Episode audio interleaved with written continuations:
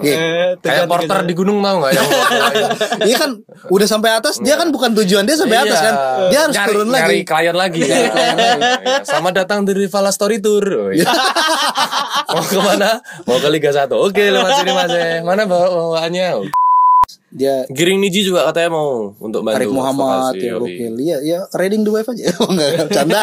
Bercanda ini ya. Enggak apa mbaknya kasihan harus banyak ditemanin Ini- karena ini- dia ya ya korban gitu. Penyintas Ditahan oleh Persikabo Bogor eh, satu sama. Jadi Persija Jakarta ini ya nggak tahu ya. Nah, rival lah, kue aja yang bahas lah.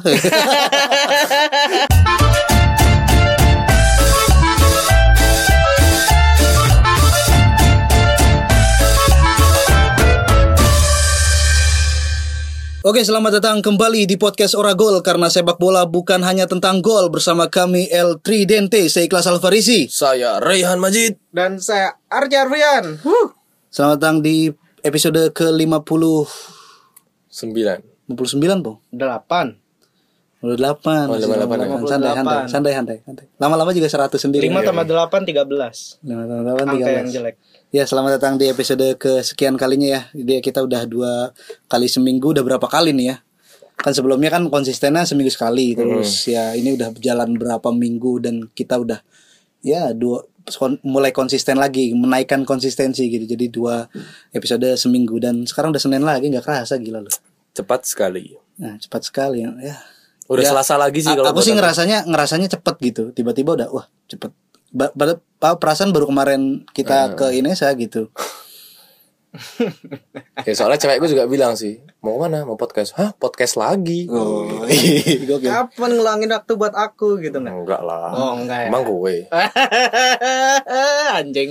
ya gitu ya ya satu sisi aku mikirnya sih kayak ya ya udahlah emang sekarang posisinya juga udah ewak gitu kan Apa? Ewak itu? gawe Oh anjing. Pakai anjing ya enggak Ci kayak kayak, kayak kurang-kurangin Ci Kenapa? kalau kurang-kurangin gaslighting Gaslighting apaan? ini yang buat lepis Gasper ya. Nah, itu, itu itu salah satu salah satu ininya tuh dengan apa namanya berkata berkata apa namanya dengan nada defensif dan disertai dengan umpatan gitu. Oh anjing gitu. Contoh, Ya. contoh Iya, ya kata nah, Kayak anjing gitu ya. Iya. Enggak gitu anjing gitu kan. Oh, apa gitu gitu. Ya santai aja kalau mer- kamu merasa dirimu benar ya ungkapkan kebenaran Kebenaran itu. kebenaran itu gitu nggak usah disisipin pakai anjing gitu. Itu nggak akan menambah validitas apa namanya Kebenaran. ar- argumentasimu gitu. Kalau argumenmu kuat ya kuat aja gitu. Tidak atau tanpa ya tidak di- ditambahi Anjing. pisuhan juga gitu. Eh, Kiri tapi- Lebih kiri sih Enggak, enggak, enggak. Tapi kalau dulu tuh aku ini sih sempat dikritik juga kalau bego. Lu kalau ngomong bego itu sebenarnya kasar loh gitu. Tapi menurutku bego itu nggak kasar sih kata-kata Ya, bego. pada- Tapi kasaran goblok gitu kan. Pada tempat-tempat tertentu itu nggak akan jadi kasar ya. Hmm. Ya tadi nadanya itu bukan gaslighting yang penting gitu kayak kayak misalkan aku di kultur Sunda kan nggak bisa lepas dari anjing dan goblok kan cuman kan nadanya bukan bukan bukan bukan untuk Mengumpat defensif gitu ya. bukan gitu ah anjing aing mah lah males lah gitu Itu ngeluh malahnya. Persib eleh wae gitu Eh, itu ngeluh anjing ya. Persib menang anjing gitu kan gitu. Bagian dari ekspresi ya ah, bagian dari ekspresi gitu Ya kalau kayak itu tadi juga bagian dari ekspresi. iya tapi ekspresinya online gitu ekspresi online Gimana ekspresi online? Enggak enggak. Beda lah. Kita bisa dengerin ya, bisa dengerin. Mungkin apa ya? Sebelum nanti ada orang random gitu kan yang tiba-tiba eh, memberitahu kue kita sebagai temannya, temanmu gitu, temannya. Ya ya memberitahu terlebih dahulu gitu bahwa lu sadar orang yang sebel sama lu tuh banyak gitu. Iya. Ya teman yang teman yang baik Ya, teman yang baik adalah teman yang mengingatkan bahwa ya ke temannya sendiri bahwa ya kekurangannya gitu. gitu. Meskipun pahit Ya, Tapi aku nggak merasa banyak yang sebel sama aku sih. ya gitu. Ya ya, jujur aja soalnya Ah, iya banyak ya. Budaya Jawa ya di belakang ya. Krisnya di belakang apa nih guys yang lagi rame nih? Kalau tadi sih aku mantengin ini ya dari tadi pagi itu ya gawe terus apa namanya di teman-teman tuh lagi pada ngerunning info yang lagi viral gitu ada seorang ibu-ibu gitu Hmm. yang mengutil sebuah coklat Waduh di Alfamart gitu. Hmm. Terus ketahuan sama pegawainya, ketahuan ke Gap malah nggak terima gitu. Jadi videonya itu tidak boleh disebar dan dia pakai pengacaranya. Oh, pen- maling punya pengacara ya? Ada pengacara ya sekarang. Bukan hal yang mengejutkan sih. Maling-maling di negeri ini kebanyakan ber Ini, punya pengacara. ini, ini, ini, ini. gini gini gini ibu ini tuh eh, mau maling di Alfamart atau Indomaret tapi kayak nggak ngerti situasinya kayak gitu loh biasanya kan kalau orang mau maling ya di Indomaret atau Alfamart Mm. itu situasinya harus dilihat tuh, Tuh, rame nggak Dengerin gitu. Archie, Bu. Pengalaman ini basisnya. Masih sama. Basisnya karena kan gini kan kan ibu itu kan nyuri coklat ya Ya. Le- eh, letak coklat itu itu ada dua kalau nggak di rak deket ATM ya kan? Di depan kasir. itu di depan kasir kayak gitu kan yang paling gampang adalah yang di rak Dekat dekat ATM. gitu Nah. kamu pura-pura akan ke ATM tapi eh jalan ke rak itu dulu kayak ngelihat situasi baru ke ATM Iya, iya, iya. ngambil ngambil dompet nah itu lalu coklatnya kamu masukin di situ gitu Oh, gitu tipsnya. Nah, tipsnya kayak gitu dan harus ngelihat dua hal. Apakah apakah apakah Indomaret atau Alfamart itu rame? Yang kedua di jam-jam berapa kayak gitu loh. Kalau di jam-jam baru awal lu jam 8 pasti konsentrasi Masih dari bagus ya. Iya kan konsentrasi karyawan kan masih bagus ya. Tapi kalau coba di jam maghrib jam 5 Prime. atau mas pergantian shift gitu Nah, ya. pergantian shift itu kan jam 3 kalau nggak salah. Oke, pas lengah ya. Ah, jam 16. Nah, itu jam-jam eh, jam 5 sore gitu. Ah. Kayaknya ibu ini nggak nggak ada trik untuk kayak gitu tuh. Jadinya ketahuan dua kali kan. Dia kan di Transmart sama di Alfamart Kalau menurut kan, gue gitu. kayak kayaknya ini bukan sekali sekali kalinya ibu ini ngambil sih. Jadi udah beberapa kali. Iya yang di Transmart itu kan. Ini mitos apa enggak sih? Jadi itu tuh aku pernah dengar ini teori ini di film atau di mana ya. Jadi kalau kamu mencuri itu sehari itu jangan lebih dari tiga kali gitu. Anjay. Yang Yang hmm, yang tergantung yang, nyuri apa ya, sih. yang yang keempat kali itu kamu bakal sial gitu. betul betul betul. Nggak tahu ya. Ya tapi bukan berarti kita membenarkan pencuri dong. Gitu. Ya, Tidak dong. ya. Berarti Heeh. kalau si ibu tadi mengesampingkan tips-tips yang diberikan oleh Archie, Ya, Ya kan kita nggak kenal juga, Cuk. ya enggak maksudnya Dia ah, anggap aja anggaplah gitu. tips yang kamu berikan adalah tips umum lah. Yoi. Tips umum, buku buku panduan mencuri. buku putih. Nah, buku putih. Katakanlah seperti itu. Barangkali jangan-jangan ibu ini emang tidak mau nyuri, bukan orang tidak punya gitu. Oh, nyatanya dia naik mobil, Dia naik ya kan? mobil dia, Iya, tasnya bagus lagi. Siapa tahu dia klepto gitu loh, bukan bukan bukan apa, bukan butuh, bukan kekurangan uang, tapi ya emang suka nguntit aja. Kayak gitu. mas-mas di SpongeBob tuh nggak yang coklat. Coklat. Coklat. Coklat. itu mungkin ya. Tapi yang kasihan ya si mbaknya itu ya. Maksudnya dia dia hanya ingin me- apa namanya mengatakan yang benar gitu kan bahwa dia karyawan terus ada orang mencuri produk tempat kerjanya yaitu dia cuman ingin ya mem- mendokumentasikan itu. Soalnya kan kalau misalkan nanti barangnya diaudit gitu kan ada yang hilang itu biasanya pegawainya yang suruh ganti rugi yang kena gitu kan. Makanya dia cuman ya ya dia cuman hanya melakukan yang bisa dia lakukan aja sebagai seorang karyawan tapi gitu tapi aku dulu pas beberapa kali juga nyuri coklat kan sebenarnya. Aku juga dapat omongan kayak gitu oh nanti kalau ada audit karyawannya yang dapat dapat eh, apa ganti rugi. Itu sebenarnya menurutku enggak juga sih. Ada temanku yang bilang bahwa sebenarnya ada berapa persen gitu loh berapa persen dari barang yang akan dipamerkan itu nanti ada kayak kegagalan dan kerusakan kayak gitu loh Oh, udah diprediksi ya. Iya, jadi kalau ngutil lu cuman satu dua dalam satu minggu Nggak masalah. itu nggak masalah. Oke. Kecuali kalau setiap hari kayak Bagus gitu sekali. kan kelihatan gitu. oke oke ini nggak akan aku potongnya jadi biar, biar aja gitu biar Tapi aja ya bagus. ya lagian kalau misalnya ada yang mau nangkep juga nggak ada buktinya gak ada wis ya.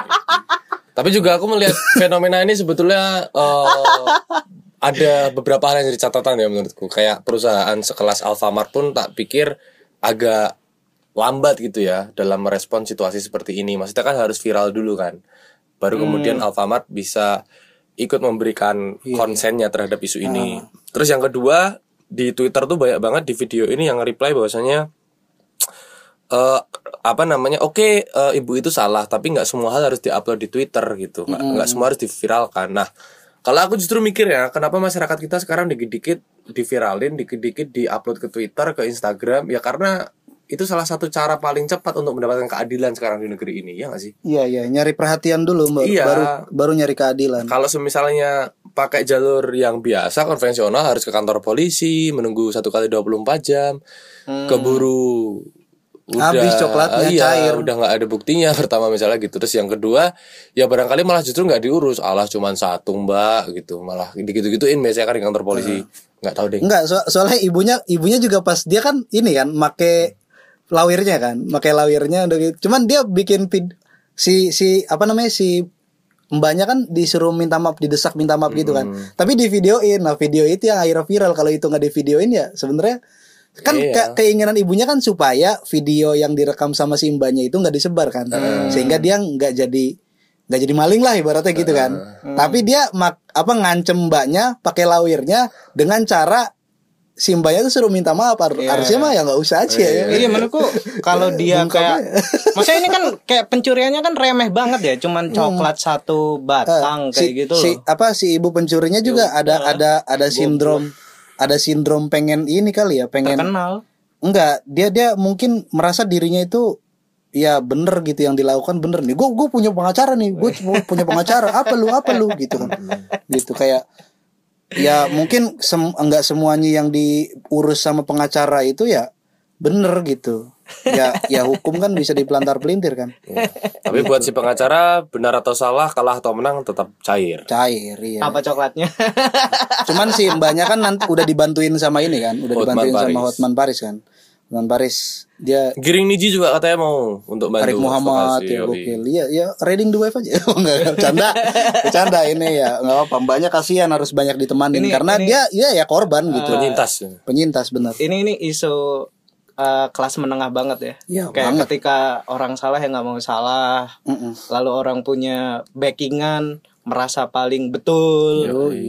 Wong Wong ini kok dibanding banding Iya gitu. Lalu backingannya nganggap dia anak sendiri Beda kalau di ibu, ibu kota itu kan kalau di ibu kota kan pencurinya adalah kelas menengah yang punya mobil ya, yang mungkin disinyalir yang apa namanya anggapan Rehan itu kelas menengah. Beda sama yang terjadi di Jogja gitu. Ada ibu-ibu, ibu-ibu sama ibu-ibu juga deh. Yoi.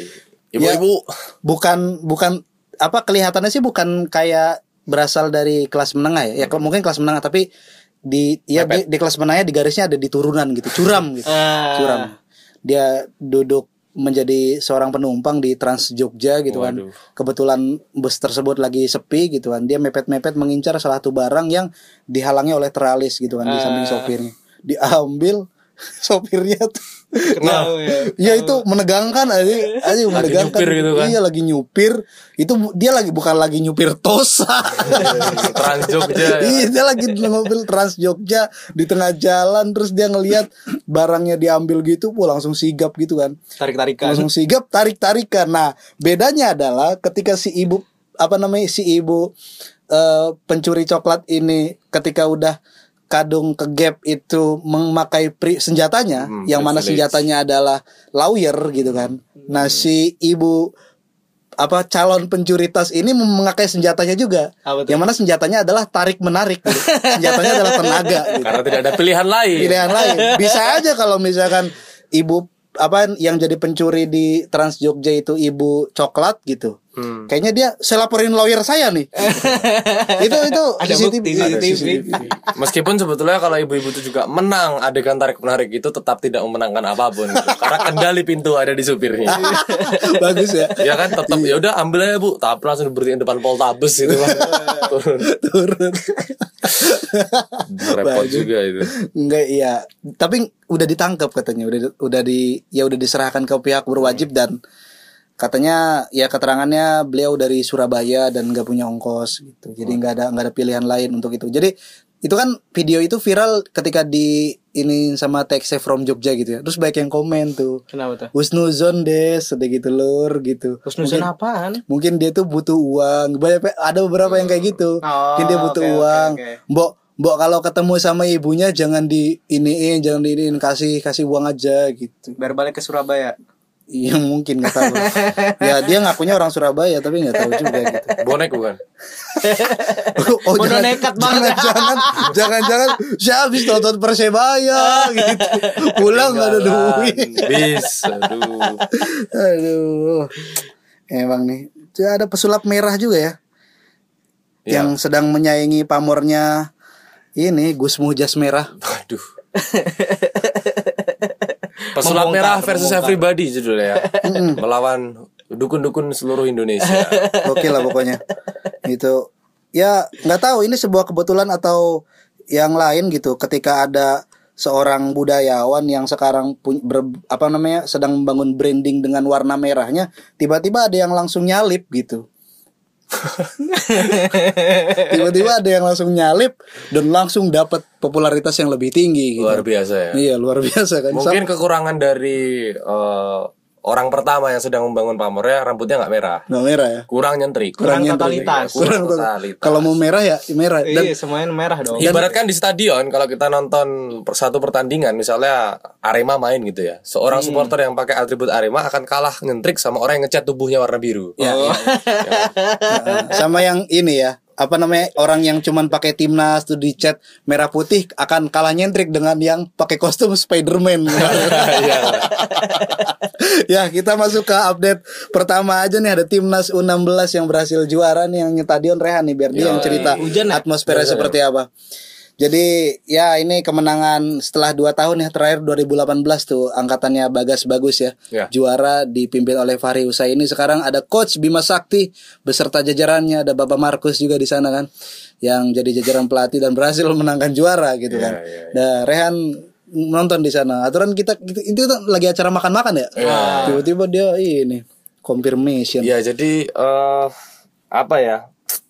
Rame banget. Yang jelas rame banget dari jalan eh, daerah Pasar Stan, jalan Tajem itu terus kemudian Condong Catur itu jalannya benar-benar macet dan melihat eh, penontonnya itu macam-macam ya. Ada yang benar-benar kayak eh, emang supporter gitu, ada yang emang keluarga gitu kan karena mungkin timnas bawa keluarganya dan Keluarga segala besar. Yes. Tapi nggak sampai kakek neneknya ya, cuman Siap. bapak ibu sama anak satu paling. Kemudian hujan deras Hmm. tensinya itu sebetulnya sempat eh, cukup senyap stadion. Dalam artian eh, mungkin mayoritas pada ini ya apa deg-degan ya. Karena gol itu baru tercipta di penghujung babak pertama ya kan? Hmm. nah dari situ baru kemudian kerasa tuh bahwasanya eh, atmosfer itu mulai naik lagi sampai puncak-puncaknya ya hujan turun terus kemudian sempat diwarnai. Kalian nonton gak sih? Enggak. sempat ada keributan juga kan di menit-menit akhir antara Vietnam sama Indonesia waktu itu karena ya pemain Indonesia eh, dianggap mengulur-ngulur waktu oleh pemain Vietnam sehingga terjadi keributan dan juga pelatih kepala Vietnam juga terkena kartu merah karena protes berlebihan Oh iya, aku tahu itu. Soalnya Gusmu nonton di sini nih pakai HP. Pakai akun video kayaknya. dan itu langsung Akun Oragol. seisi stadion wah suwe bajingan we tajar we Sih. biasa lah Padahal nggak ngerti juga kan. Iya makanya itu. Tapi yang aku sayangkan, yang aku sayangkan adalah dalam situasi seperti itu ya kita belum bisa menahan diri kita untuk melempar botol, Iya iya. ya, iya. tetap ya. melempar aqua gelas, ya bukan nggak apa-apa itu menurutku mencederai juara kita gitu, loh. nggak enak dilihat. Saya aku penasaran dah kalau misalkan pertandingan PSS kan tribun kuning kan buat BCS ya. Nah malam itu tuh buat siapa tribun kuning? Ya, Ya, bebas umum, aja. ya, bebas. Umum aja ya. Eh, jadi itu pertandingan nasional lah pokoknya. Ya umum semuanya meskipun ada banner Ultras Garuda, ada Hmm. banner Indonesia Til Aidai, ada Garis tengah ada nggak? Nggak ada. Akar bola, akar bola. Akar bola juga nggak ada. Oragul yang ada. Di Tapi- HP ku. Tapi nggak ada storyin ya. Ya kan HP-nya di jok. Iya, kita iya. udah udah mitigasi dulu sebelumnya bahwasanya jangan bawa apa pun. Bawa ponco kita. Kenapa emang nggak bawa apa pun? Hujan. Kan ada plastik. Iya sih, cuman kami mengiranya bakal sederas itu. Akhirnya pakai ponco. Ya deres sih tapi. Ya, kemenangan 1-0 ini akhirnya membuat eh, timnas kita juara ya setelah eh, yang senior gagal, yang U19 eh, yang U23 Covid, yang U19 gagal gitu kan yang akhirnya yang ada yang paling kecil yang berhasil eh, menjadi juara ya. Ya walaupun beda angkatan gitu kan. Yoi. Ya udahlah juara. Tapi tetap ini ya, Iwan Bule. Iya, bangsat sih orang itu. Dia sama siapa? Menteri apa? Olahraga. Siapa namanya? Aduh lupa Zulkifli atau siapa tuh? Bukan. Ya, itulah. Mereka berdua yang Gak usah, gak usah tahu men, gak usah, gak usah di searching ya. Gak usah dicari tahu. stupid people famous ya. Nah, gak usah dicari. Aku hampir refleks nyari tadi. Menpora ya, jangan, gak usah, gak usah, gak usah si tahu. Oknum ya, oknum kita sebut oknum. ya. yang bukan oknum juga sih. Oh, bukan. Ya enggak emang mereka pengen dikena spotlight kan. Ya mungkin ya emang iya bener gitu. Mungkin Iya. karena dia emang punya spotlight dan tidak ada yang menghalangi ya udah gitu. Sampai Iwan Bule buka jersey juga kan. Oh, Gitu. Iya. Menunjukkan passionnya biar Oke publik lah. tahu kalau dia tuh mencintai sepak bola gitu loh. Iya, kayak goal getter ya. Goalgetter. Padahal yang golin si timnas yang si anak itu nggak selebrasi berlebihan, nangis, nggak nggak kuat selebrasi, tapi ada satu bapak bapak yang buka baju di depan supporter, supporternya padahal asu eh. Iya. ya mungkin ya. Iya. Ya, paling enggak itu adalah satu-satunya prestasi ya bagi timnas Indonesia di bawah kepemi- apa ya di bawah PSSI kepemimpinan Bapak Iwan Bule ya. Ibul, Yang nggak tahu sih dia periodenya sampai kapan sih? Nawi Elup ini nggak tahu saya. Kalau tahun kan akhir tahun Desember kan timnas senior juga nih AFF nih. AFF kalau misalkan Mitsubishi Electric ya. Iya Mitsubishi kan. Nanti kalau misalnya juara kan dia bakal gini-gini juga nih kayaknya. Wow lebih ngeri Keliling lagi. Jakarta. Iya. Biasanya kalau udah akhir kayak gitu, apalagi masuk final, mungkin biasanya ada nazar-nazar untuk membumbui citra dia. Saya bernazar kalau timnas menang, saya cukur botak gitu. Wede. Ternyata pas cukur botak pas kalian haji atau umroh ya. Betul. Bisa jadi. Iya. Enggak juga sih. Tapi nggak apa bisa jadi. Ya, itulah. Terus apa lagi? Aku kadang ngelihat reaksi berlebihan apa ya eh, pejabat-pejabat kayak gitu itu malah pada akhirnya di media itu mengurangi atensi bahwa eh, timnas U16 ini patut untuk diapresiasi gitu loh. Jadi Orang eh, akhirnya males untuk sorot, ikut ini ya. sorot media itu beralih ke situ gitu loh. Dan ini aduh fuck off banget sih Ke kayak perilaku gitu. yang nggak perlu ya tak pikir ya karena kayaknya nggak ada presiden federasi di eh, negara mana pun yang punya tingkah serupa sama bapak kita gitu loh. Eh, Ini yang satu ini the only exception gitu. Satu-satunya. kayak ibaratnya kayak aku ngelihatnya kayak kayak berebut ingin ingin apa namanya ngangkat piala juga itu padahal ya udah serahin tuh ke anak-anak dia yang cukup emang malah, berjuang malah, malah, itu. malah justru akan terlihat lebih elegan ketika dia menyerahkan biarkan anak-anak yang berpesta dia di belakang cukup kayak apa gitu. nah itu itu kan menunjukkan gestur orang tua dewasa iya. itu justru Iya kayak kayak ini ya kayak wali murid an- di SD gitu. Iya. Anaknya juara yang terima piala, bapaknya yang naik panggung. Iya. anjir malah malah malah ilfil, ya untuk banget untuk, lah untuk sumpah. Bapak Iwan Bule dan Bapak Menpora publik itu nggak bikin yang heboh-heboh dari anda gitu biasa aja gitu Eh, semakin heboh tuh semakin antipati sebetulnya jadi jangan jangan gr ilfil ilfil Iya. malahan Mm. kayak, ya, kayak- siapa kayak- tahu ada yang mendukung dia beraksi ada ada. seperti itu. buzzer-buzzernya Ya kan ada tim kreatif apa-apa. Iya. Bapak kayaknya bagus deh kalau misalkan lari ke tribun terus buka baju. gitu. Wow, jahat tuh berarti. Tim kreatifnya jahat tuh, menjerumuskan. Iya maksudnya paja- apa namanya pasti ada gitu tim-tim kreatif yang yang apa namanya yang yang emang Mengkonsep ya? mengkonsep gitu. Kayak misalkan apa Pak Presiden kan dulu kan pernah nge-rap tuh pernah nge-rap tuh nggak? Pernah nge-rap yang freestyle freestyle rap gitu. Yang jelek banget kan? Itu kan pasti bukan inisiatif yang muncul langsung dari Pak Jokowi kan. Ah, Itu pasti ada Bapak nanti ini ya nge-rap ya gitu kan. Sekarang eranya kreatif gitu-gitu bukan pakai gitu lah. dia. Salam, salam dari Jokowi. gitu. Selamat bekerja. Uh. ya ya nggak ya nggak ya nggak tahu gitu untuk ukuran rapper kan tidak Iya. tidak banget gitu nggak banget. Terus Jokowi naik motor itu ya. Ingat nggak yang di salah satu teaser video kemerdekaan atau apa yang dia Asian Games. Eh, Asian Dia Games, pas iya. datang ke Gelora Bung Karno Ya kan ada dia ngetrail itu kan. itu Pak Wisnu Tama itu yang konsep. Oh iya. Pak Wisnu Tama. Jahat itu. Pak Wisnu Tama. Kok jahat sih anjir. Bagus sih kalau Malah bagus aja. Dia sih. malah dipuji oleh pemimpin-pemimpin Asia Oke, gitu. oke, oke. Eh, pas dia datang ke rapat G20 yang disinggung itu gitu kan. Motor ini enggak aman enggak? Aman enggak gitu. Bayarin lah gitu. Sentimen aku soalnya. Ini aku aku ngelihat Bayarin ya, bayarin. aku ngelihat Iwan Bule tuh Nawi Elup. eh Nawi Elup tuh kayak kayak Cristiano Ronaldo itu loh. Sorry ya loncat ya. Maksudnya dalam arti eh, dia tuh ya. melihatkan ekspresi yang ya ini aku gitu loh. Kayak apa pun kekalahan kemenangan ak- aku gitu. Hmm, Tapi kan pantas kalau Ronaldo yang kayak gitu. Iya, tapi kan kayak misal ya. Enggak enggak. Iya, maksudnya kayak kemarin kekalahan 4-0 kemarin kan harusnya semua kan. Tapi Ronaldo kayak anjing. Ini kenapa kok bisa terjadi? Kayak dia juga gitu loh. Iya. Dia tahu bakal disalahkan soalnya, makanya dia berekspresi. Iyalah. Nah, WL juga kayak gitu anjing Iya. spotlight ke dia. Kekalahan kemarin tiba-tiba spotlightnya ke Ronaldo juga pada akhirnya. iya sih. nggak apa-apa superstar Oke, memasuki pekan keempat Liga 1 yoi Indonesia. Ini sudah ada beberapa hasil pertandingan juga. Ini kita ada ada pertandingan yang telat ya. Malam ini tuh masih ada PSM melawan Rans Cilegon. iya masih ada Tapi ditunda juga tuh karena hujan iya kan. ditunda tapi udah jalan kok Ini udah 90 plus 3, udah Oh, menit udah, 90 udah, plus udah, 3 ya. Ini ada Madura United yang berhasil eh, terhindar dari kekalahannya gitu kan. di menit-menit akhir Di menit-menit akhir gitu kan. Ya. Eh, yang ya itu perdebatan juga ya.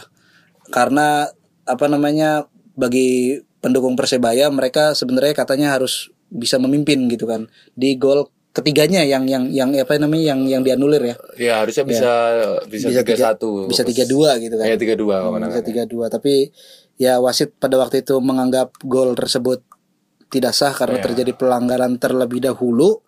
Akhirnya ya sebenarnya unggul 2-1 kan tapi di Iya. menit wah emang fighting spiritnya Madura sih memang yang harus di acungi jempol gitu kan mantap ini. Heeh. Eh, ada PSIS Semarang yang berhasil takluk ketika bertandang ke Bandung Lautan Api. Seneng deh sih lumayan lah ya. Main lah ya. habis aksi Rene turun Persib menang. Tiba-tiba menang. seneng banget lumayan rasanya itu ya kayak nggak punya utang kayak plong gitu loh pak. Gitu gimana sih gimana sih nyontohinnya? Siapa siapa sih ini pelatihnya sekarang caretakernya? Budiman. Oh, Sujat Miko bukan? Enggak, Bukan Budiman, dong. Budiman aja gitu. Pokoknya bersama Budiman trofi aman. Oh iya aku lihat itu aku lihat itu di Twitter. Ya itulah 2-1 ya. Walaupun pertandingannya juga eh me- apa namanya ada di di apa diwarnai beberapa kontroversi ya. Gol pertamanya yang penaltinya David da Silva itu nah itu perdebatan tuh yang akhirnya kita belajar tuh sebenarnya penalti itu bisa sah tuh kayak gimana sih gitu kan. Kan itu kan- diulang ya diulang ya kan diulang dua kali. Yang pertama itu diulang gara-gara eh, si kiper itu udah maju duluan Oh, Oke. udah maju duluan dan bola nggak masuk. Sebenarnya kalau kiper udah maju duluan dan bola masuk itu, Itu sah secara peraturan. Oke. Nah makanya pas diulang si kiper tetap maju duluan itu apa dan bola tetap masuk ya itu Gol. tetap dianggap gol gitu kan kayak gitu. ada rule-nya ya ah, Oh, tapi berarti har- apa namanya kaki terakhir dari kiper tuh harus tetap di garis itu ya? betul. Oh, oke. Nah tapi justru kontroversinya menurutku bukan di situ tapi proses pelanggarannya ya. Oh, Gitu oke. Proses pelanggarannya kan apa masih 50-50 tuh ada yang bilang itu hand atau yang bilang itu pelanggaran gitu-gitu tapi wasit nganggapnya itu hand gitu kan tapi pas di uh, VAR-nya Indosiar itu ngelihat itu enggak ini enggak bukan hand. Bukan hand ternyata gitu kan. hand hand ya ternyata hand hand. Gitu. yang ya akhirnya jadi gol apa namanya gol keunggulan pertamanya David da Silva gitu kan. Terus disamakan oleh Taisei Marukawa. Gokil memang. Bagus banget tuh golnya. bagus golnya. Tapi akhirnya berhasil digolkan juga sama David The Only Silva Dadang da Silva mantap lah. Dadang da Silva sebagai iya, seorang Pak. goal getter dia bisa diadu lah sama Michael Kramencik ya. Bisa. Soalnya dia sekarang jadi de- apa deretan top scorer. top scorer bersama Lulinya ya. Eh, kompatriotnya dari Brasil ini. Ada PSS Sleman yang berhasil meraih kemenangan pertamanya di kandang melawan Barito Putra 1-0 kemudian ada juara back to back kita yang harus takluk di Kandang Malang eh di di kandang sendiri ya oke sendiri. sorry sorry kandang sendiri oleh Arema Malang 2-1 Hmm. Kemudian ada Dewa United yang tidak disangka-sangka mengalahkan The Guardians 2-0 gitu kan. Tim promosi di mengalahkan tim papan atas musim lalu gitu kan Nah, di, Bayangkara. di pertandingan ini tuh menarik karena salah satu pencetak gol dari Dewa United adalah Rangga Muslim. Ya, ya. Rangga Muslim ini salah satu pemain PSIM Yogyakarta pada waktu itu ya. Salah satu pemain yang waktu itu. Loan, loan enggak? enggak enggak. Oh, enggak di loan ya. Enggak. Dia habis itu pindah ke PSS Sleman, pas PSS Sleman promosi kalau nggak salah. Ya, ya, ya. Dia salah satu aset PSIM saat itu. Makanya kemarin waktu aku sempat nonton PSIM juga di laga launching tim dan jersinya itu penonton itu tidak menyanyikan anthem kita biasanya. Biasanya kan nyanyi aku yakin dengan kamu tapi diganti piye piye piye maine itu. Karena mempertanyakan kok maine kok yang ini gitu. Dan- Pelatihnya siapa sih? PSM sekarang? Aduh, dulu pelatihnya aduh aku lupa namanya. Putu Bol ya? Putu gede bukan, sih? Bukan, bukan, Cuk.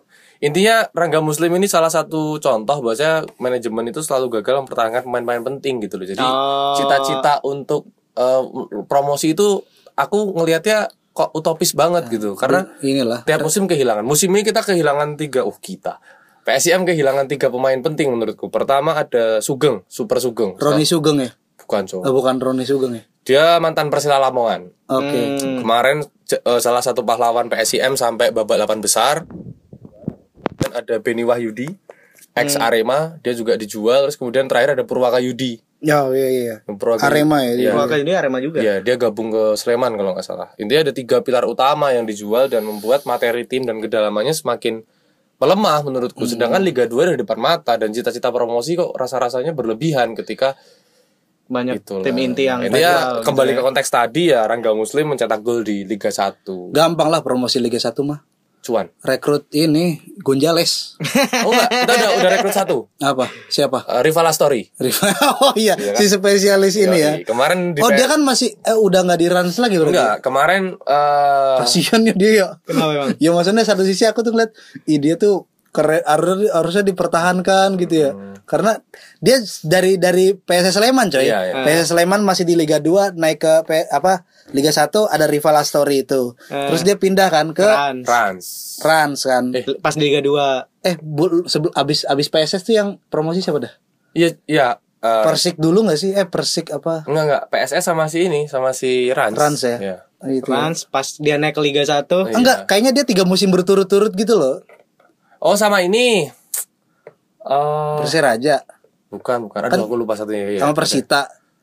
Bukan. Ya gitulah pokoknya ya Tapi itulah. tapi maksudku eh maksudmu persi eh siapa Astori ini spesialis Liga Lastori, 2 gitu. Lastori, Lastori. Iya, Lastori. spesialis Liga 2. menggendong Menggendong. menggendong ini apa namanya, Spesialis promosi. Eh, spesialis Tapi menggendong dia kembali lagi ke Liga 2. iya gitu direkrut lagi ke Liga, ke Liga 2 gitu kayak harus menggendong ya, kayak kayak ini kayak kayak tour guide gitu Liga 2 mas monggo kalau aku loh Iya. Eh, Kayak porter di gunung mau nggak yang Iya kan udah sampai atas dia kan bukan tujuan dia sampai atas kan dia harus Iya. Nyari- turun nyari lagi klien lagi. Iya. Sama datang dari Vala Story Tour. Oh, iya. mau ke mana? Mau ke Liga 1. Oke, lewat sini Mas. Mana bawa bawaannya? Oke.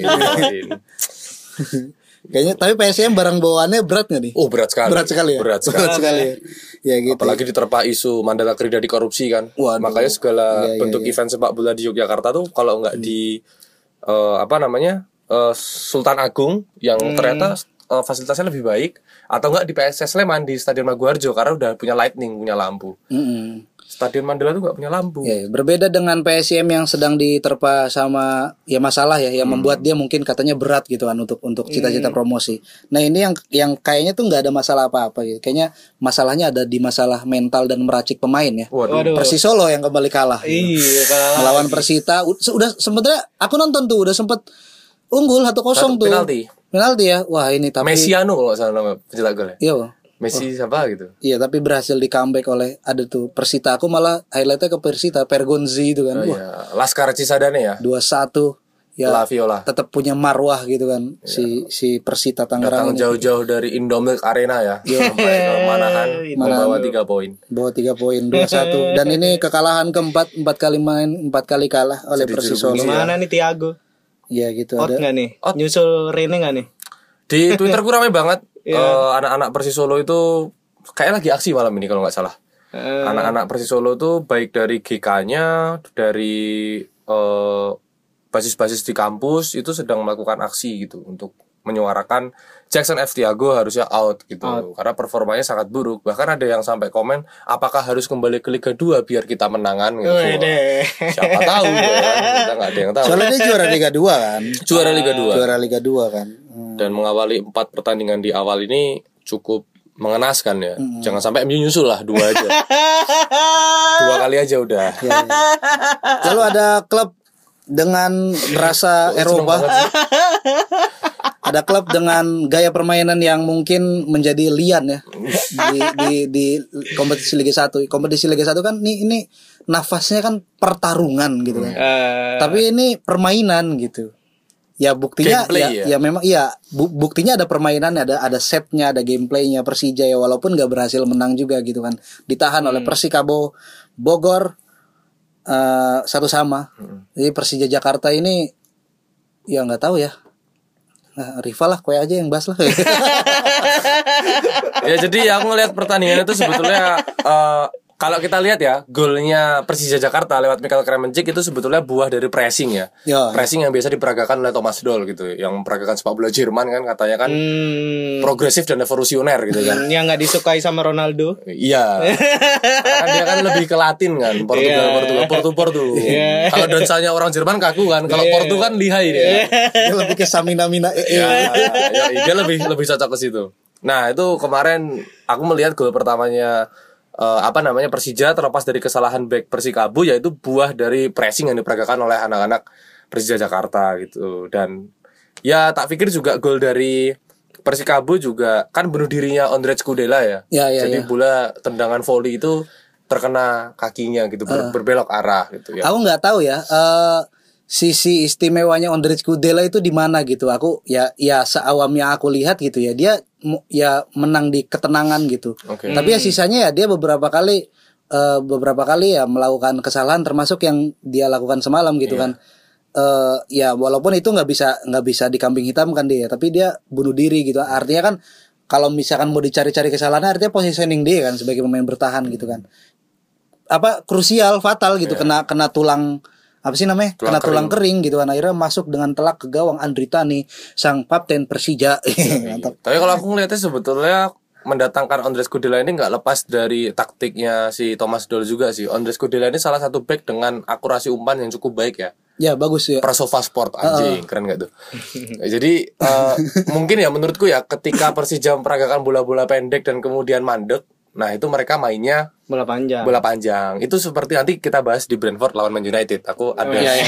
Enggak, yang aku yang aku sorot Cik, kenapa sih? Aku menunggu sih sebenarnya omongan MU. Enggak sih admin troll football juga nggak gitu-gitu amat sih. admin troll football tuh aslinya pendiam gitu Ya, aku tahu aja gitu banget gitu Liverpool juga belum menang nih masih main nanti City menang. Ah City menang kemarin. Kan dia fans City sama Liverpool. Iya. Oke, ya ya ya. Cuman bentar nih, sisa-sisa dari pertandingan Persi Persikabo dan apa namanya Persija Jakarta ini di, di lini tengah memang cukup ketat ya. Di lini tengah ini Persikabo kan tim mantan tim TNI ya. Iya, Ya, Tira, ya. Tira. Iya, ya, Tira. walaupun ya manajemennya tetap kan dari Tira. TNI kan. TNI dan rakyat. Pemain tengahnya itu keren coy. Namanya Tegar Infanteri. Wih, di infanteri banget. Emang Batalion infanteri. berapa tuh? Bertarung ber- belawan Hanif Sabandi dan Sarian Abimanyu. Siapa namanya, Coy? Tegar Infanteri. Itu daripada sama coachnya lebih manut sama atasannya itu. Iya betul. Nanti di ruang ganti coachnya bilang begini tapi ada pesannya dari komandan. Apalagi coachnya Jajang Nur Jaman. Kayaknya Jajang Nur Jaman dia yang bakal balik ke Persib deh. Iya kah? Iya nggak kencang, tahu, kencang nggak, isinya. nggak tahu aku juga Katanya bersama Budiman tapi aman. bersama Jajang. Iya, isi. Iya latih gue ya goblok. ya itu terus ya PSM masih eh PSM udah menang belum nih? Ini malam ini kita langsung umumin aja ya. Yoi. Ini PSM sudah Full time. Full time dengan kemenangan PSM 2-1. Wih, comeback coy. Oh, comeback, comeback, comeback. Menang Comeback, comeback. Ah, tapi kredit ya apa namanya di di luar eh, di luar pertandingan ini PSM kan masuk final ya zona ASEAN ya Iya. di AFC Cup gitu dan salah satu yang disoroti adalah standar permainan atau standar pelanggaran dari eh, antara Liga 1 dan Oh, permainan di iya, iya, AFC tahu, tahu, gitu tahu, kan. tahu, tahu, tahu. Jadi ya kerennya PSM adalah dia mampu menang, mampu lolos ke fase final zona ASEAN dengan posisi sejak menit 74 itu pemainnya di kartu merah. Dan Oh, oke. ah, dan sampai akhir sampai akhir laga itu ada dua pemain PSM yang di kartu merah gitu. Akhirnya dua kartu. eh, jadi 9 lawan 11 itu dan tapi tetap berhasil menang 2-1 gitu. Kan itu kan Luar biasa. kredit ya, luar biasa ya. Ya itulah, mantap lah. Ya, aku sepakat sih sama komentar pelatihnya PSM Ya, ya. Dia Bruno bilang Alvarez itu ya. kalau di Indonesia pelanggaran-pelanggaran keras tuh kadang masih dikompromi Oh, gitu. kayak kemarin tuh. Iya, kayak kemarin kayak tuh. Frankie Sokoy. Oh iya, Frankie iya. Sokoy itu ituin apa Nendang- Irfan Mila. Iya, itu kartu kuning itu. doang loh. Tolol anjing. Anjir, Kacau. oh, itu membuat pemain-pemain kita oh nggak apa-apa ya ternyata ya. Iya, iya. Kebiasaan mengalir di relung-relung al- alam bawah sadar itu kebiasaan akhirnya gitu pas lawan apa pas AFC Cup gitu kan eh, ininya bukan Iwan Sukoco nih gitu kan wasitnya gitu kan tapi wasit asal Uzbekistan kemarin kan dari Uzbekistan kalau nggak salah tuh aku lihat di soft soccer sofa soccer nggak nonton juga Somudorov, Somudorov gitu ya. Kayaknya kalau di Liga Indonesia kalau nggak sampai patah kaki itu belum kartu merah tuh. Hmm, Dulu tuh ada pelatih Liga Indo eh pelatih iya pelatih Liga eh pelatih wasit Liga Indonesia yang yang tegas banget tuh siapa namanya? Jimmy. Eh, Jimmy Multazam. Jimmy Napitupulu. Multazam Napitupulu. Kok Jimmy Multazam? Siapa cuk? Iya, Jimmy Siapa- Napitupulu, ya. Siapa cuk? Jimmy Multazam Kok-. Kok top of mind Jimmy mu itu Jimmy Multazam siapa itu anjing? Jimmy Multazam The Upstairs, Morfem. Oh, Oke. Iya, iya benar. Maksudnya itu Jimmy Napitupulu. ya ya ya. oh, enggak, aku nggak kenal lagi di upstairs ya itulah Liga 1 ya nanti ya nggak tahu makin seru ya klasemen sementara sih masih dipimpin sama Madura United dan juru kunci dipimpin oleh Persis Solo, Solo. yang megang kuncinya yang megang Yang sama-sama kunci merah. untuk membuka diri menuju Liga 2 gitu kan. Nah, kita masuk ke liga-liga Eropa. Hiburan sebenarnya oh, nggak tahu ya. Sebenarnya kalau aku ditanya Kalau kalau aku, tolong kondisikan dulu. Mas-mas dari aliansi mana sih? Lanjut. apa aku kalau ditanya gitu kan lebih menghibur mana Liga 1 dan eh, apa namanya liga-liga Eropa gitu aku nggak bisa jawab men karena masing-masing tuh punya sisi hiburannya sendiri Punya gitu kan. sisi entertainmentnya sendiri. entertainmentnya sendiri nah kita bahas nih hiburan di Eropa nih ada nih Liga Inggris gitu kan menghibur nggak sih Menghibur banget. menghibur banget ya gitu kan Buru banget kok, Ah, sumpah. ah, ah. nah di pertandingan pertama ada Manchester City Eh, yang menang 4-0 ya kan 4-0. 4-0 lewat eh ya gol-golnya sebenarnya pemain nomor 9 yang namanya Halan itu tidak meng- eh, tidak mencetak gol di Asis doang, asis ah, doang. di pertandingan ini tapi statistiknya sangat mengagumkan. Ah, ah. Dua kali passing, Satu berbuah asis. satu asis, dua kali passing, dua kali akurat, satunya asis. Ah. Satu lagi akurat itu adalah tendangan kick off babak kedua. Betul. itu doang ya. Anjir cuman lari-lari doang. Ya, tapi tapi ya bagus gitu mampu membuka ruang buat Iya, teman-teman yang betul. nyetak gol gitu kan. Keren gitu kan. Terus ada Arsenal, Arsenal, Arsenal. Arsenal kan Ah. yang terus mem- me- apa namanya me- apa lagi bener-bener checkpoint kan ini pertandingan kedua nih harus menang nih kan dia mau invisible ceritanya kan? Yoi. nah, dia mau invisible dan melawan klub sekaliber eh Leicester City. Leicester City gitu kan yang menjadi pesaing ketatnya di papan tengah Iya. Dulu. Ya, baru tahu ya. kemarin, baru kemarin. dia menang 4-2 gitu kan dengan Gabriel Jesus juga sebagai aktor utama dari kemenangan tersebut dengan selebrasi khasnya gitu kan. Call me, call me. halo gitu kan. Apa sih kalau nawar micet? Canda canda. Kayak gitu. Brighton yang tadinya menang perda- di pertandingan pertama melawan MU malah kosong kosong melawan NU kan wah emang Newcastle United. iya terus ada Wolves yang kosong kosong juga nggak penting dan ada Nottingham Forest Iya. Peraih dua kali Liga Champion ini sudah berhasil menang di Liga Inggris dengan mengalahkan tim asal London 1-0. Kemudian ada pertandingan mantap nih. Eh, Derby London yang sebenarnya tidak London-London amat ya. Ya Chelsea nggak tahu ya. Nanti fan Chelsea marah gitu kan. Ya ada London biru dan London putih, ayam gitu kan. London ayam bertemu. Bukan sebenarnya yang membuat pertandingan ini, pertandingan ini hidup uh, itu bukan kedua timnya, tapi sosok di balik tim itu ada Antonio Conte dan Thomas Tuchel gitu kan. Ini aku lagi mengarcikan diri. Mengarcikan diri. Oke. Kata kerja ya sekarang ya. Iya, iya. Kata kerja. Antonio Conte dan Thomas Tuchel. Jadi ya nanti nanti dibahas dah kronologinya mereka. Yang apa pada intinya skor berhasil diakhiri dengan imbang dua sama, saling berbalas gol ya terjadi perdagangan lah di dalam pertandingan itu. Hmm. Jual beli serangan gitu kan. Dan jual beli selebrasi gitu kan, saling Gitu. wah saling lari-lari lah gitu. Terus di akhir pertandingan kedua kedua pelatih justru di kartu merah. eh, aku eh aku ngeliat di babak pertama ya itu itu membosankan. Tapi Ya. pas babak kedua Conte itu berani lebih lebih ma- eh, bukan reaktif tapi lebih aktif. Nah, itu makanya sampailah satu sama gitu kan. Ya, satu ya, sama Conte berlari di depannya Tuchel gitu. Wah. itu tuh seru banget coba. Kalau dalam pertandingannya tuh nggak seru banget kalau menurutku. Ka- Kalau kalau dalam pertandingannya ya, Menurut nggak terlalu seru, ha. tapi pertandingan antar malah antar pelatihnya yang Ya, seru. seru. Ha. Kayak ini gak sih kayak drama India gak sih kayak Kumko gitu. Atau kalau versi kecilnya tuh kayak Serina gitu kan gitu. Lalu Dia gol pikir gol yang apa? Gol Harry Kane yang terakhir itu kan, yang dua-dua Injury time ya? Injury time itu kan sebenarnya eh, rambutnya Cucurella itu kan dijambak, ya. Sama Romero. Ya, itu tapi kredit ya uh, Lamasia Boy itu. Keren direkrut ya. itu. Keren ya. Iya. Jadi yang membuka keunggulan Chelsea pada malam itu adalah Dua. kerjasama dua pemain barunya gitu Yoi, kan. betul. Itu bagus banget sih eh, itu. umpan Makur Kulela berhasil disontek dengan brilian oleh Koulibaly. Khalido Kolibali. Mantap sekali. itu itu bagus Langsung fans Chelsea bilang siapa yang butuh Rudiger gitu. Wih, Waduh. anjing. Move on-nya cepat. ya nih, nih, pertandingan apa namanya adu mulut Oke, cekcok oh, kalau adu mulutnya tak pikir ya itu bagian yang sudah biasa ya di Premier League. Lebih menghibur Sir Alex Ferguson versus Arsene Wenger menurutku. Arsene Wenger lawan Mourinho Ah, ini apa dasinya Arsene Wenger tuh yang merah garis-garis ditarik aja. Dulu kan kita melihat fenomena itu Tapi kan. kan kita harus move on lah dari masa lalu, betul nggak sih? Ah, betul. Kita ngomongin sekarang bukan Yang sejarah. sekarang aja. Bukan sejarah lagi ya. Ah. Oke. Yang yang terjadi sekarang adanya Conte lawan Tuchel. Banyak orang yang membandingkan juga dengan uh, Pep melawan Klopp gitu. Tapi orang bilang kalau Pep melawan Klopp secara uh, kontras nggak terlihat gontok-gontokan Iya, seperti iya. Conte dan Tuchel, tapi mereka lebih ke bagaimana memeragakan dalam permainan gitu. Nah, Jual yang beli gondok-gondokan malah Arnold sama si ini siapa? Sama siapa? Siapa sama pemain muda. Arnold siapa? Arnold Arnold. Arnold. Arnold. Trent Alexander Arnold. lawan Walker apa siapa ya gitu. Oh ya. Kayak gitu. Be- Eh lawan Phil Foden. Foden ah, sama Foden, sama Foden. Ya itulah. Sama Havertz juga kadang. Tapi ya oke lah itu bagian entertain dari sebuah pertandingan yang yang sudah konfirmasi sama Conte dan Tuchel bahwasanya itu sebetulnya bukan dibuat-buat ya emang itu bagian dari Iya, passion mereka membawa timnya Heeh, menuju sama-sama ekspresif kan? Sama-sama ekspresif Wah, ini gitu. Si Tuchel itu kan kenapa dia sampai melintir tangannya Conte karena kan ketika Dari pelintir ditahan aja.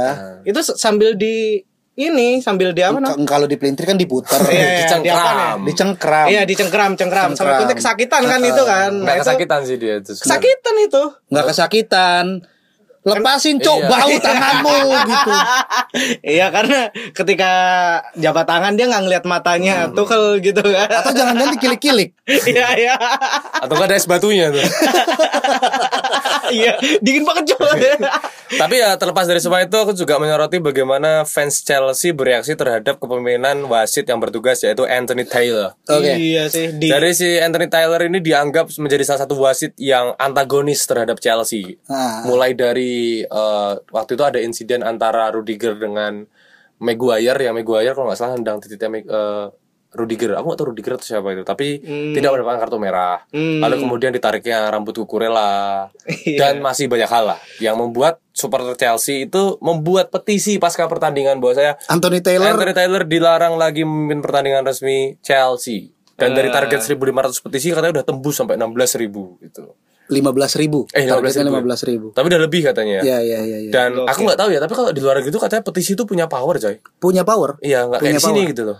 ya di sini kan yang punya power ini Twitter do your magic power dong di luar Power. Viral dulu. petisi itu punya standing position yang bagus gitu dalam menentukan kebijakan. Jadi kayaknya ya people powernya berjalan iya, logika demokrasinya matang ya. Yo. Tapi menurutku sih itu emang harusnya harusnya ini sih ya, harusnya pelanggaran dulu sih. Hah? Pelanggaran dulu tuh harusnya. Siapa? Yang ya golnya Ken yang terakhir itu Oh, iya. harusnya pelanggaran dulu. iya iya iya Aku tapi setuju tapi gitu. tapi siapa tahu Anthony Taylor juga mempertimbangkan sisi entertainmentnya ini kalau Anjir. ini kalau ter- kalau Tottenham Hotspur kalah nggak asik coy dua sama aja biar nanti match kedua itu jadi penentuan musim ini siapa yang menang kan gitu tapi sepanas panasnya pertandingan waduh waktu itu gitu kan Yoi. kenapa kenapa waduh kenapa waduh? panas soalnya Iya, maksudku adalah sepanas-panasnya pertandingan saat itu gitu kan di usai laga gitu keduanya mengungkapkan hal yang senada gitu bahwa ini adalah bagian dari rivalitas, ini adalah Premier League. Ya, Ah, sehat lah ya ah, itu itu bagian dari rivalitas sehat dan gak usah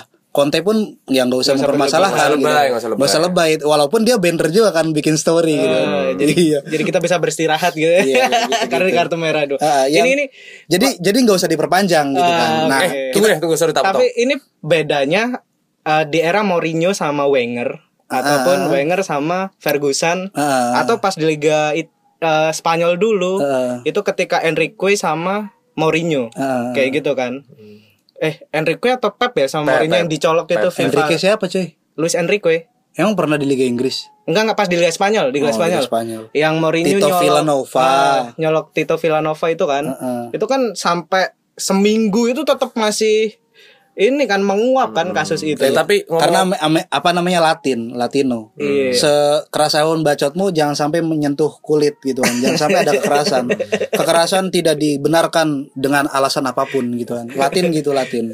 Tapi ya apa namanya nggak tahu ya. Perdebatannya adalah Conte itu katanya tidak ini katanya tidak apa namanya tidak respect dengan Tuchel katanya salaman itu kan tanda respect di akhir laga tapi dia tetap apa terus-terusan nggak mau memandang mata gitu. Makanya kan ada gestur Ah. lihat mataku lihat mataku gitu kan. Tatap mata Ojan gitu kan. Tatap mata Tuchel gitu iya ya. tatap mata Tuchel gitu Kat- dianggapnya respect. Tapi ya nggak tahu juga gitu. Itu bagian dari apa namanya permainan psikologis da, apa. Jadi se apa Conte kan ekspresif gitu kan. Conte ekspresif. Dan itu kan membuat eh Tuchel ke trigger tapi ketika si Tuchel ekspresif didiemin. didiemin gitu. Kan Bagus ya. Kan anjing ya.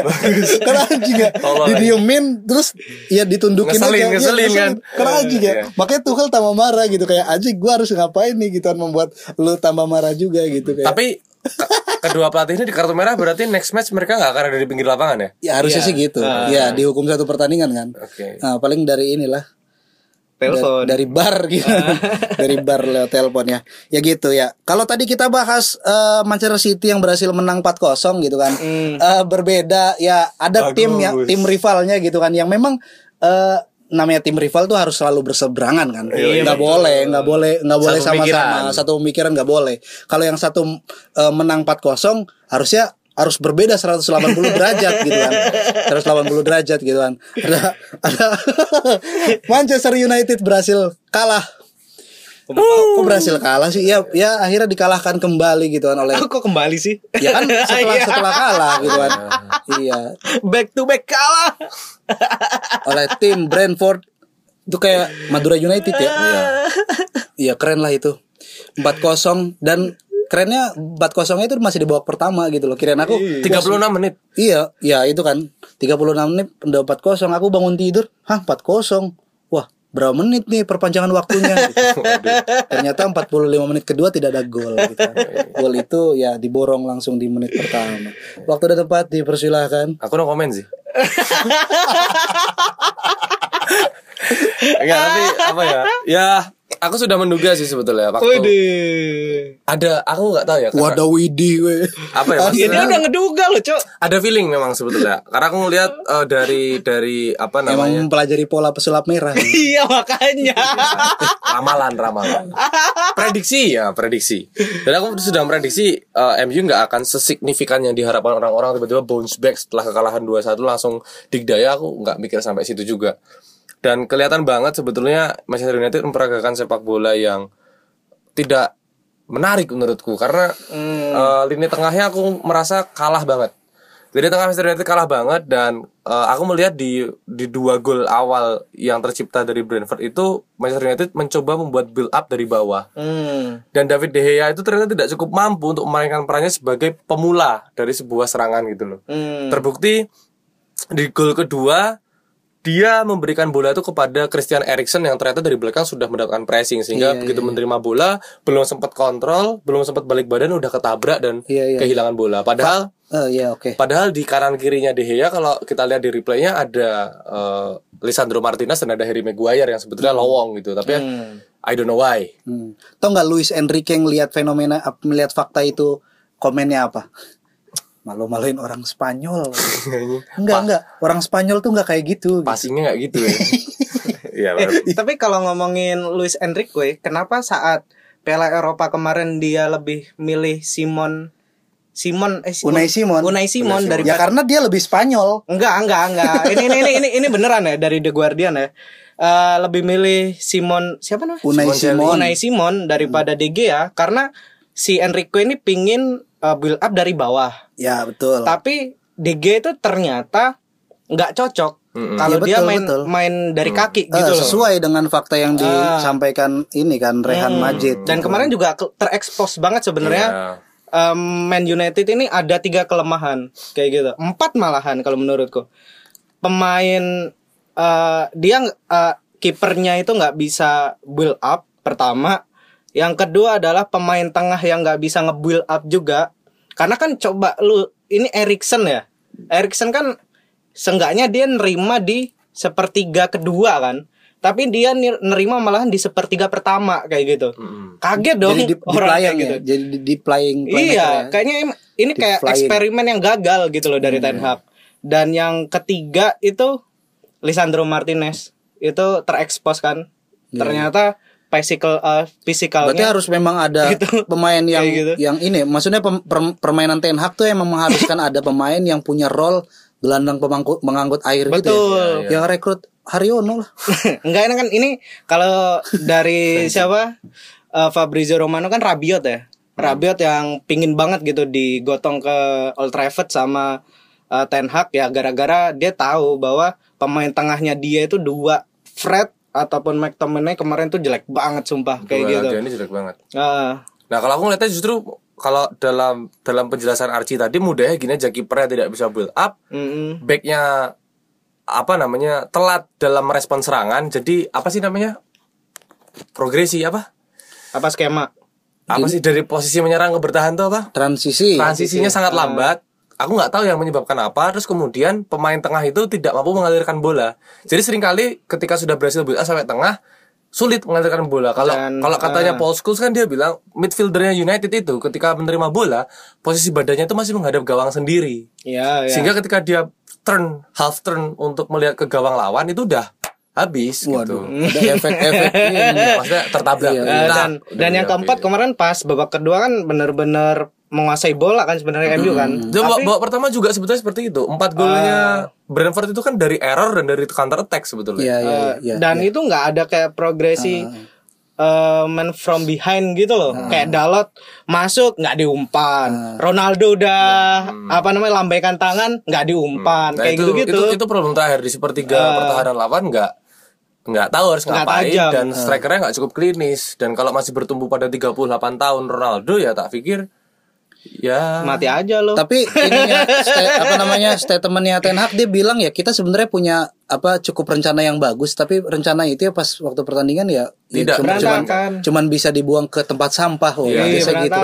Ma- Akhirnya banyak yang menduga-duga gitu kan. Ya aku aku nangkep satu satu dugaan bahwa sebenarnya eh, Ten Hag ini udah banyak dikecewain ya. Maksudnya udah banyak dikecewain de- ketika dia per- apa sejak dia pertama kali tiba di re- apa namanya di United. United gitu kan. Dia punya visi yang jelas gitu kan, pattern permainan yang jelas.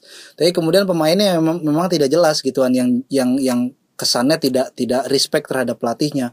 Ada isu yang kayak gitu lagi gitu yang yang yang aku mikirnya berarti mau ada Ten Hag, mau ada Ragnik, mau ada apa namanya siapa Pep sekalipun barangkali Pep Jajang Nur Zaman juga nggak nggak di nggak dihormatin juga gitu. Ini sebenarnya kan kalau aku dari uh, ungkapannya Ragnik dulu kan bilang bahwa harusnya ada 6 sampai 7 pemain kan yang 10 harus bahkan. uh, yang harus dibuang gitu sama MU.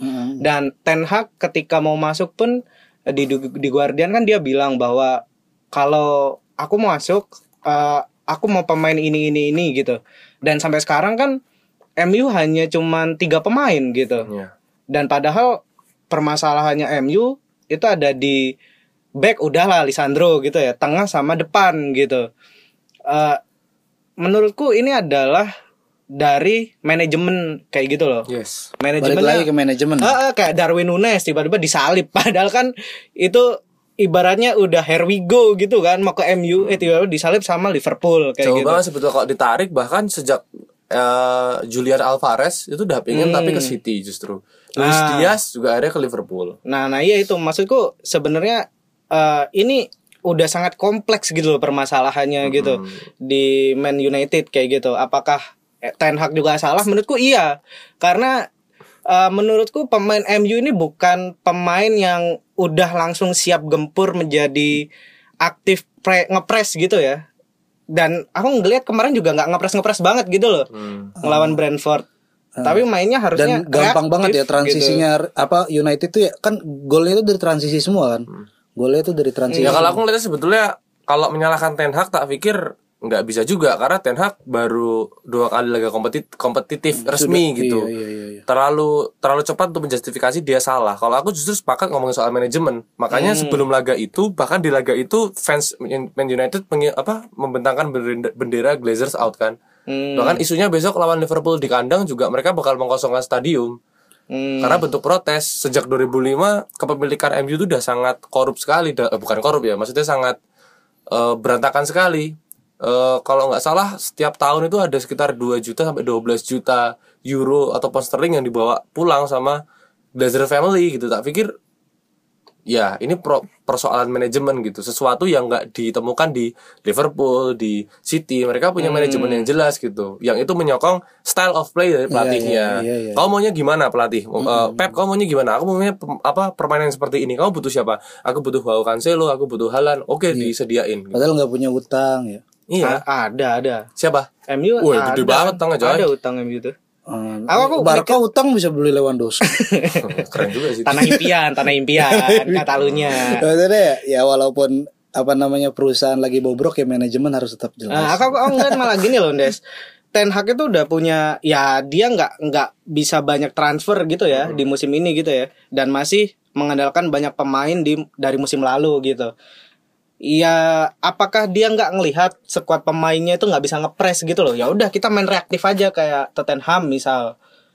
Tapi dia nggak mau, dia kayak masih keras kepala dengan taktik ya harus ngepres, harus aktif jangan reaktif gitu nah di dua laga ini kan dia kita lihat sendiri walaupun sistemnya nggak berjalan dia tetap kayak gitu dan kalah gitu. Tapi nggak bijak juga sih kemudian ketika itu kemudian jadi salah Ten Hag. Maksudnya itu udah responsibility pemain dia dibayar mahal loh coy. Iya. Untuk mengikuti pola Heeh. dan um, minimal apa ya ada ada peningkatan lah. Kalaupun kalaupun semisalnya nggak nggak bisa tuh bukan oh nggak bisa ya udah nggak usah nggak bisa gitu. Karena pelatih punya filosofi masing-masing. Iya. Ya aku ngeliatnya Tanggung jawab pemain yang mengikuti arahan iya. pelatih gitu. ya. mm, kalau misalnya kita membenarkan statementmu berarti kita membenarkan pemain malas-malasan pemain Eh, menolak enggak instruksi enggak. pelatih. Tapi ses- dis- taktik disesuaikan dengan pemainnya gitu. Kayak Ragnik kemarin lah. Ragnik itu kan ya udah nggak nggak pemain MU nggak bisa terlalu ngepres ya udah dia mainnya reaktif. Padahalnya dia Kalau reaktif gitu. kalau aku nggak kalau aku nggak sepakat kalau taktik disesuaikan dengan pemainnya gitu.